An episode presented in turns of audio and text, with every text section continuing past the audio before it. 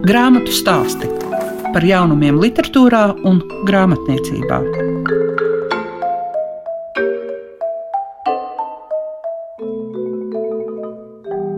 Grāmatu stāstu laiks ir klāts. Būšu ļoti konkrēta. Divas grāmatas, amizanti, katram savs imants ziedonis un Daņa Bruģa grāmata Akurātera māja. Tas viss kopā arī ar lieku piešiņu. Grāmatu stāsti programmā Klasika. Šīs dienas grāmatu stāstos mēs runāsim par grāmatu Amizantais, katram savs imants ziedonis. Un, kā ir jau apakšvirsrakstā teikts, visādības kopā sapulcinājis Ēriks Hānbergs un Ziedoņa muzejs. Es esmu ciemos pie Ērika Hānberga, un lai Ēriks justos drošāk, lai būtu lietišķi pierādījumi par to, ka viņi abi divi daudzus gadus līdzās bijuši, jutuši paši viens otru. Es nolasīšu pavisam mazu fragmentiņu no Imanta Ziedoņa rakstu sestā sējuma. Zemes rakstnieki deg zemdegās. Vai viņi tāpēc ir labāki? Es nezinu. Bet viņiem tā vajag. Hānbergs laukos ir savējais. Viņš pazīst šo zemi no apakšas un no augšas. Viņš arī redz, cik nevienmērīgi vēl kā vietām šie divi līmeņi sadarbojas. Viņš tos vienkārši mākslas līdzekļiem kabina kopā. Viņš skatās no augšas uz leju un rāda, tāda ir dzīve, viss nokārtojas. Viņš skatās no apakšas uz augšu un mierina. Tāda ir dzīve, ko tu padarīsi. Viņš skatās no vidus un dod padomus. Hanbergs ir lauku cilvēks no augšas līdz apakšai, un pēc kādas rindkopas vēl turpina Imants Ziedonis. Šī būs kopā uzrakstīta grāmata, jo nevar izlikties, ka tu sāc no gala, kad gals jau iesākts. Hanbergs stāsta mierīgi un skaisti, bet dripe sāp, un neviens ar viņu nerunā. Mūsu zemē ir tūkstots un viens dripe, visu laiku dežūrē dripe un Hanbergs un Pauls Putniņš. Nebūtu godīgi, ja es ietu pa to pašu zemi un izliktos, ka neviens to nav mērījis. Dripe te gājas uztrauktu valodu Hānbergs filozofiskā prātā. Viņi to ir darījuši. Tas tā tad ir no Imanta Ziedoņa rakstu sestā sējuma tik un tā. Kas Ērika vispār ir ziedoniskais. Sinonīmus varētu piemeklēt, un tie būtu no mana viedokļa trāpīgi, ka ziedoniskais ir netradicionālais un pārsteidzošais. Un to es varu raksturot arī ar mūsu 15-gadīgo konkursu, kad mēs apciemojām 500 lauku sētas, kuru galvenais kriterijs bija sakopta lauku sēta. Tas varētu būt šis tradicionāls konkurss, kas varētu būt līdzvērtīgs citiem konkursiem, gan kur vērtē puķis, dārzus un tā tālāk. Un tā tālāk. Bet šis pārsteidzošs un netradicionāls ir, ka katru gadu Imants Ziedonis piemeklēja šajā nolikuma aicinājumā patiesi pārsteigums, piemēram, avots lauku sētā. Katra gada konkursā šis pārsteidzošais, neparastais Tādā laikā bija ieinteresējusies un uzzinājusi Dānijas vēstniece Kristīna Bieringa un pieteicās.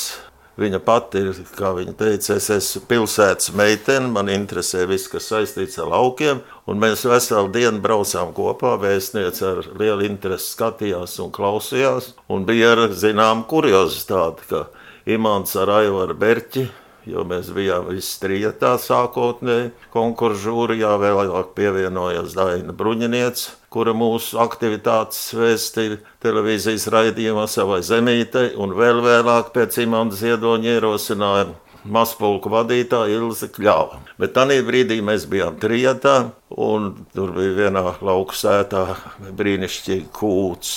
Nu pat bija ievests siens un āboliņš. Un Imants ar Aivaru teica, Ērika, to tiem laukiem vairāk ņemies, mūsu viešņi lūdzu ievet kūtī un tur. Paiet laiks, Kristīna Bierina kā vēstniece atvadās, un 12 cilvēku sabiedrībā esam ieaicināti arī mēs trīs. Nu, kā Imants Ziedonis to saprast, bet es tā no vienas dienas tikai. Un es saviem kolēģiem, Imantam un Aivaram prasu, Un es ar, par ko tad mani, un Imants teica, tāpēc, ka tur vēstniec bija gubernators. Es saku, bet par ko tad jūs abus divus? Imants atkal atbild, tāpēc, ka mēs jums netraucējām. Nu, lūk, tā kā tas jau ir tas, par ko mēs šodien droši vien runāsim vairāk, kas man ierosināja Imanta Ziedoņa 90.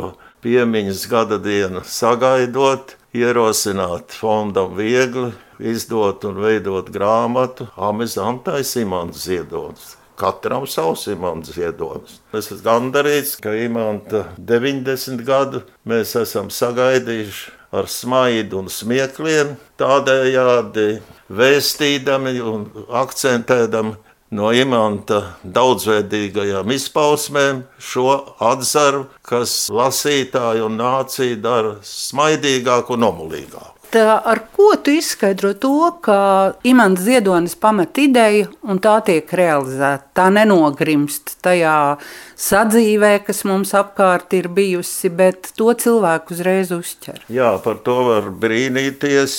Mans secinājums ir, ka daudzas šīs idejas ir ļoti tālredzīgas un var tikai apbrīnot šo imanta tālredzīgumu. Tad, kad mēs ar muzeja vadītāju Rūtu Šmiti un Žaneti Grendi runājām par šīs grāmatas veidolu, tad vienojāmies, ka izmantosim drukātos avotus, kurā ir paudis savus interesantumus pats Imants Ziedonis, otrs slānis, ko ir par viņu pauduši. Tad mēs centāmies uzrunāt cilvēkus radio, un televīzijā un periodikā, lai iesūta savus interesantumus, kur izraisa smaidus un smieklus, un ne tikai, bet kas ir pārsteidzoši. Vēl viens veids, kā mēs veicinājam šīs grāmatas tapšanu, ir, ka mēs ar Rūtu Šmiti apciemojām daudzas personības, cerēdami, ka daudz ko šīs personības var pastāstīt Un iespējams, ka daudz kas ir viņa mājās ieraugams, tāds, kas varētu vēlāk derēt eh, daļēji grāmatai un pēc tam palikt muzejam. Un mums bija liels pārsteigums, ir īpaši Rūtai Šmitei, kad ogrē mēs apciemojam Jāni Vanagu, kas savā laikā bija meža ministra vietnieks, kurš, kā izrādās, kūrēja diško kādu privātu grupu. Un ka saziņā ar Jāni Vanagu Un pateicoties imanta aktivitātei, ka ir vajadzīgs no ministrijas un no Meža zinātnes institūta Silau kāds speciālists, kā arī viņi izvēlējās Staņislavu Saliņu, kuru Diško atbrīvoties grupā dēvēja par Saliņu tēvu. Un šajā Jāņa Vanaga dzīvoklī, kad viņš sāka rādīt, Viņa bija fotografijas, tad saliņa tēva rakstītie iespaidi par izbraukumu šīm aktivitātēm. Un visādi dokumenti, kā Rūta Šmita, sajūsmas gandrīz vai noģība, cik daudz viens apciemojums papildinoši bija muzejam. Lakonisms, ko Raimons Pauls ir paudis, kad kārtējo reizi sadarbojoties, kad Imants eh, atnes dzējisko materiālu un Raimons Pauls pārlūko ko un kā, un ka viena šī reize ir, ka viņš pauž dzējniekam, vai tu nevarētu būt lakoniskāks. Tas dzējnieka aizskāra, un tāpēc lūk, viņš uzrakstīja arī un iedeva tekstu, kas sastāv no četriem vārdiem - svešas drēbes, svešas man. Viss, saka Raimons Pauls, vairāk nekā. Es savukārt spītīgi varēju šo rindu melodiju. Pēc manas izjūtas dziesma laikam neiznāca tikai ritmisks veidojums, bet atsauksmēs teica, ka interesanti. Nu, lūk, tas ir viens. Vai arī tas ir kaut kas unikāls, kad mēs saņēmām šo iesūtījumu. Tekstuāli ir garāks, kas saistīts ar atpūtas namu, ar, ar dziednītes jaunķemeri un ar jauno pacientu, kur ierodās jaunķemeros, un ka tur ir imanta ziedoņa tikšanās reģistrējās un tūlīt sāksies šis sarīkojums, jo ir mans uzturēšanās sanatorijā. Un viņa pieregistrējas, mazliet nokavē un ierodās šajā sarīkojumā, ka Imants Ziedonis paškritiski saka, vai mana dzēja ir vienmēr uzrunājoša un vajadzīga. Viņa, Imanta Ziedoņa fane, uzreiz vajadzīga un norunā skaļi kādu Imanta Ziedoņa dzējoli. Un tas dzēnoļi, ir tā aizkustinājis, ka vakarā balles laikā ierodās Ziedonis, kurš ir pēc operācijas, uzlūdz viņu uz dēļu un atvainojās, ka valsts griezt viņš nevarēs, bet tā tikai lēnīgi. Un tagad mēs saņemam iesūtījumu, ko Ligita Kalniņa iesūta Un šāds teksts ir tagad vecumā, lūdzu, meitai, lai man aizejot mūžībā, neliek piemiņas plāksni, neveļ akmeņus, bet pie kapa piestiprina plāksnīti. Viņa dejoja ar imantu ziedoni, bez uzvārda un gadskaitļa. Vai tas nav kaut kas apbrīnojams un kāda cieņa un apbrīna, un es nezinu, kā pat to raksturot ko nozīmē cilvēkam viena tikšanās, un ne jau tikai viena tikšanās, acīm redzot. Ja, ja viņi tad jau imanta ziedoņa dzējoļus zināja no galvas, droši vien, ka visu mūžu imanta ziedonis viņā skan. Grāmatu stāsti tiem, kam grāmatu lasīšana ir vērtība. Es īstenībā aptvēru, ka šīs dienas raidījums ir par 90 gadniekiem, jo šai mājai, akurāt ar mājai, šajā vasarā apritēja 90. Mēs tikko dzirdējām Eriku Hanbergu, kurš runāja par imantam Ziedonim veltīto grāmatu, un tagad mēs kopā ar Dainu Bruģi un Mairu Valteri runāsim par akurāt ar māju. Cik atšķirīga ir māja no grāmatas?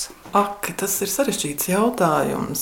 Tie ir dažādi žanri. Ir grāmata, bet tas nenozīmē, ka tagad izlasīs grāmatu un teiks, nu, mēs jau bijām tajā mājā. Nē, nē, māja ir māja. Reāli iztaigāšana ir reāli iztaigāšana, un ceļvedis ir ceļvedis. Šis ceļvedis patiešām arī izseko, izseko telpu pēc telpas un ļoti detalizēti ar daiņa lielu rūpību pret sīkumiem, pret lielām konceptuālām lietām, bet arī pret tādām nu, niansēm un priekšmeta dažādām pusēm.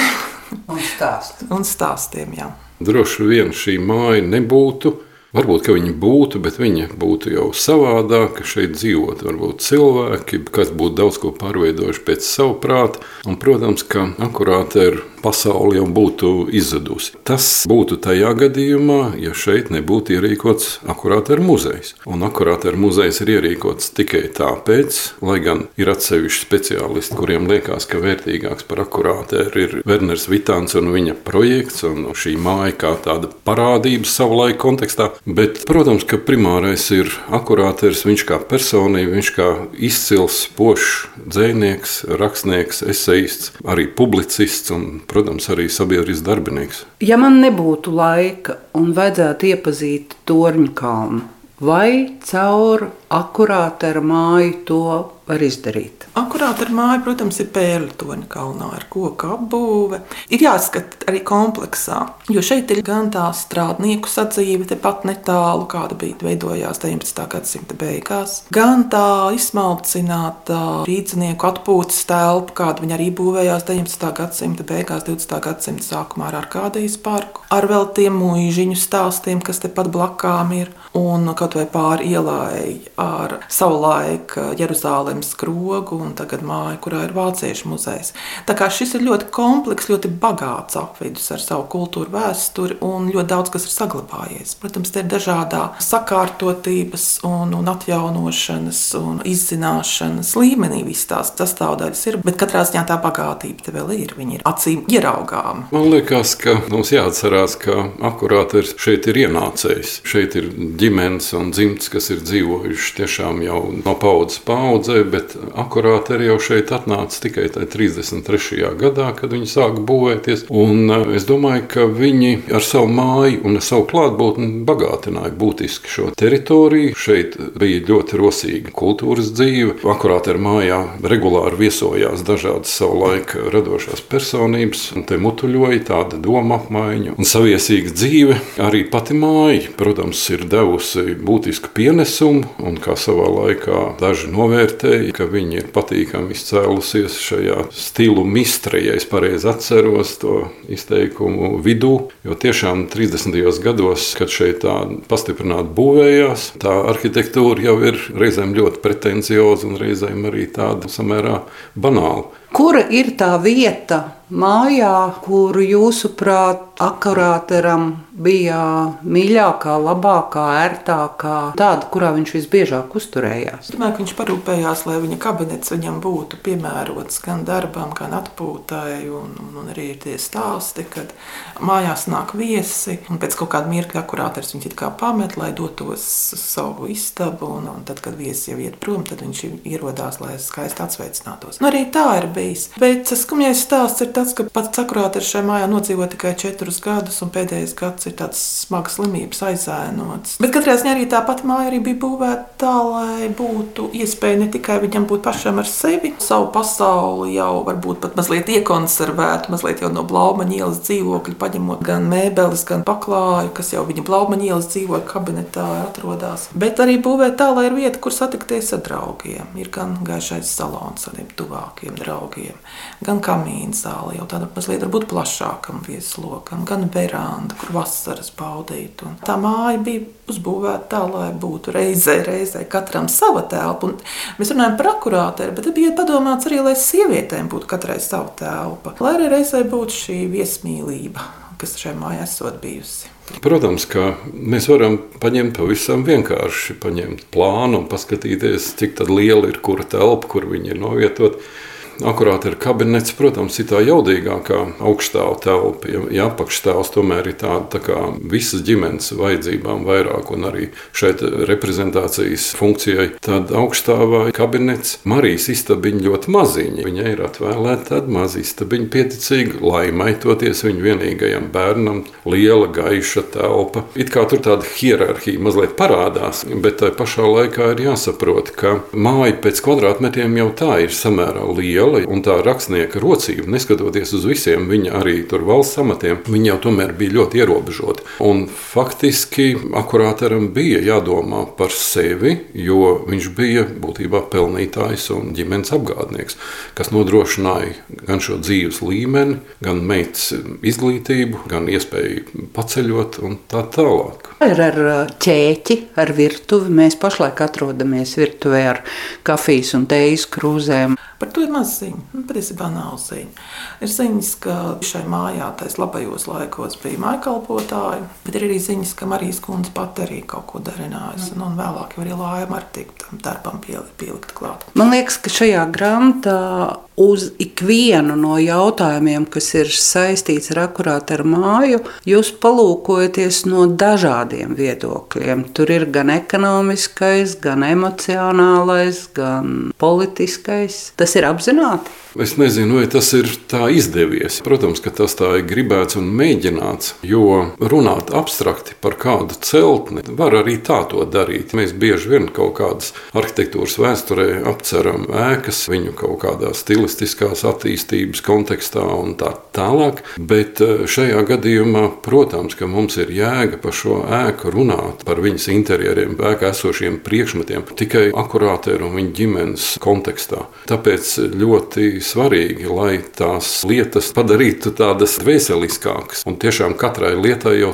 cilvēka dzīvē, arī mūsu katra dzīvē, ir kaut kāda dziļāka nozīme nekā pirmajā brīdī liekas, nekā tā praktiskā. Jūs tagad par to nozīmi runājāt, tad es arī pajautāšu, kāda jūsu dzīvē ir nozīme grāmatai akurāt ar māju. Manā dzīvē viņai ir tāda nozīme, ka viņai ir veltīts daļa no pēdējo piecu gadu manas dzīves. Man gribējās uzrakstīt šādu grāmatu, no vienas puses iemūžinot arī savu darbu, iemūžinot šo muzeju cilvēku darbu, kas ir bieži vien pilnīgi nenovērtēts, atstājot arī informāciju par to, kā tas viss tapa un veidojās. Tam ir grāmatā liela vieta atvēlēta stāstiem par to, kas šeit tiešām bija saglabājies, kas tika zināmā mērā radīts no jauna, kāpēc šis konceptuālais stāsts. Man katra grāmata ir daļa no manas mūža, un man viņa ir ļoti svarīga.